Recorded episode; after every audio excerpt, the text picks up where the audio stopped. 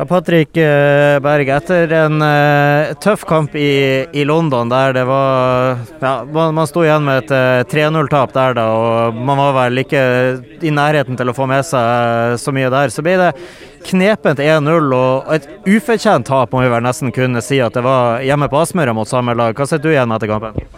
Ja, Som du sier, så føler jeg virkelig at uh, vi løfta prestasjonen vår betraktelig i dag og klarer virkelig å og gi de kamp og føler vi til tider dominerer og skaper eh, store sjanser. Eh, så vi er, veldig fornøyd med det vi klarer å utrette og det vi presterer. Og så eh, mangla det siste lille akkurat foran mål i dag, men ja, de skåra et mål litt sånn så klart veldig bra spill, men litt flaks at, at den går inn til slutt. og så i hvert fall i andre gang så føler jeg de nesten ikke har noen ting. Jeg tror ikke de har et skudd på mål engang. Så jeg føler vi, vi dominerte i tider. Og så merker vi at det er et, så klart et veldig godt fotballag vi spiller mot, men samtidig så klarer vi å, å hevde oss på det nivået. Så det er jo artig for oss. Ja, dominerte tider. Og i andre gang der, altså Ola har en kjempesjanse. Amal har to og én i hver omgang han burde sett, og Rune har også en gigantsjanse der. Altså, hvor, hvor, surt er det å gå altså, Man har i hvert fall eh, tre ganske gode omganger mot eh, Englands beste lag for øyeblikket. Og så, å stå med null skåringer etter det her, det, det, må jo føles litt, litt ufortjent? Ja da, det, det, kan man si. Samtidig så syns jeg at det er veldig artig. Vi eh, har sagt lenge nå i Glimt at vi, vi, har fokus på prestasjoner. og Det, det gjelder her også.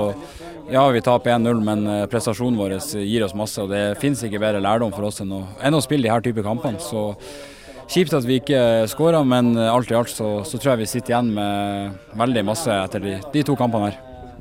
Står man med fire poeng etter eh, like mange kamper. Det blir jo to særdeles viktige kamper mot eh, PSV og, og Zürich. Uh, det er jo ei lita gulrot om man skal komme sette både på andre- og tredjeplass, for det gir jo mer spill. da. Men hvis vi, hvis, vi, tenker på andreplassen, da, hvordan vil du si forutsetningene er for å, å kapre den? da? Nå leder PSV komfortabelt mot Zürich og tar de seks poengene der.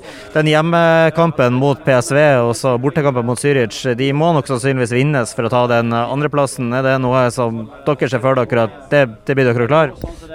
Nei, det er ikke sånn vi tenker, men uh, samtidig så føler jeg vi har uh, den selvtilliten og trua på at, uh, at vi vet at hvis vi presterer godt nok, så, så er det fullt mulig å, å vinne begge de kampene. Men igjen så så handler det om oss sjøl og at vi klarer å komme oss opp på det nivået vi skal. for at uh, både PSV og Zürich er gode lag, så det kommer uh, til å bli eh, to veldig tøffe kamper, tror jeg. Men samtidig som vi, vi har tro på oss sjøl og, og selvtillit nok til å, til å, si at hvis vi presterer på vårt beste nivå, så, så, skal vi klare å hamle opp med, med begge de lagene. Helt til slutt, eh, for din egen del, hvor stor vil du si forskjellen er fra å kjempe mot eh, midtbanespillerne i Eliteserien til Chaka, Party, Ødegaard og de du spiller mot i dag? Man merker jo så klart at de har et høyere nivå inne. Det er jo en grunn til at, at, de spiller i Arsenal og har spilt på høyt nivå over, over, mange år. Så de er jo veldig gode spillere som, som, det er veldig artig å måle seg opp mot. Og så er det artig å kjenne på at man, man klarer å uh, dominere uh, de kampene her, og selv om de har uh, veldig, veld, veldig, mange gode spillere. Så nei, artig, å, artig å møte gode spillere, artig å møte gode lag. Takk, Patrick.